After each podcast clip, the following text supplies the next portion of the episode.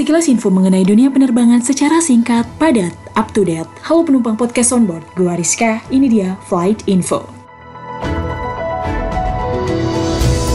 Flight information pada kali ini adalah di balik asap kabin saat boarding dan disembark. Banyak yang mengira asap di kabin pesawat jenis tertentu sering dikaitkan dengan keselamatan dan adanya kerusakan pada bagian tertentu di pesawat tersebut.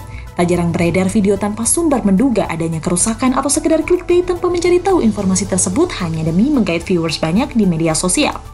Asal di dalam kabin pesawat yang sering kita jumpai pada saat boarding dan disembark berlangsung adalah kondisi normal dan justru hal tersebut membuktikan bahwa komponen yang ada di dalam pesawat berfungsi dengan optimal.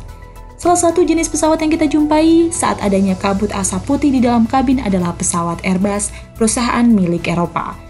Dikutip dari liputan 6.com, udara di kabin diperbarui setiap 2 sampai dengan 3 menit.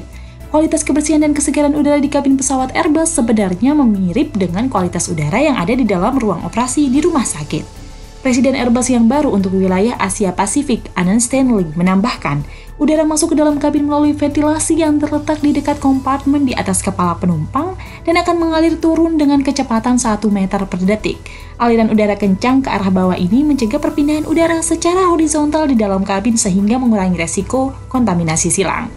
Udara kemudian keluar dari kabin melalui ventilasi yang terletak sejajar dengan lantai dan disaring menggunakan filter high efficiency particulate air atau yang kita ketahui HEPA.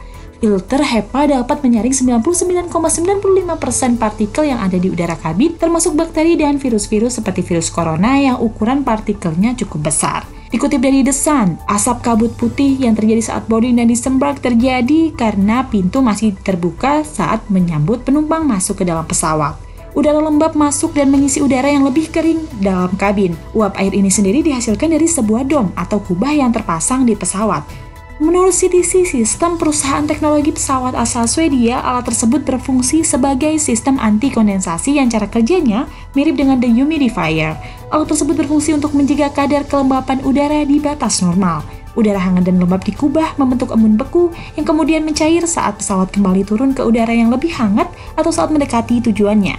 Uap air ini juga yang berperan untuk menjaga penumpang serta peralatan elektronik lainnya di pesawat untuk tetap hangat. Kabut ini bisa saja terjadi karena suhu evaporator yang sangat dingin bertemu dengan udara tropis yang sangat lembab. Saat udara lembab didinginkan, molekul airnya akan mengembun dan langsung menguap lagi saat bertemu udara yang lebih hangat. Demikian sekilas info di Flight Info.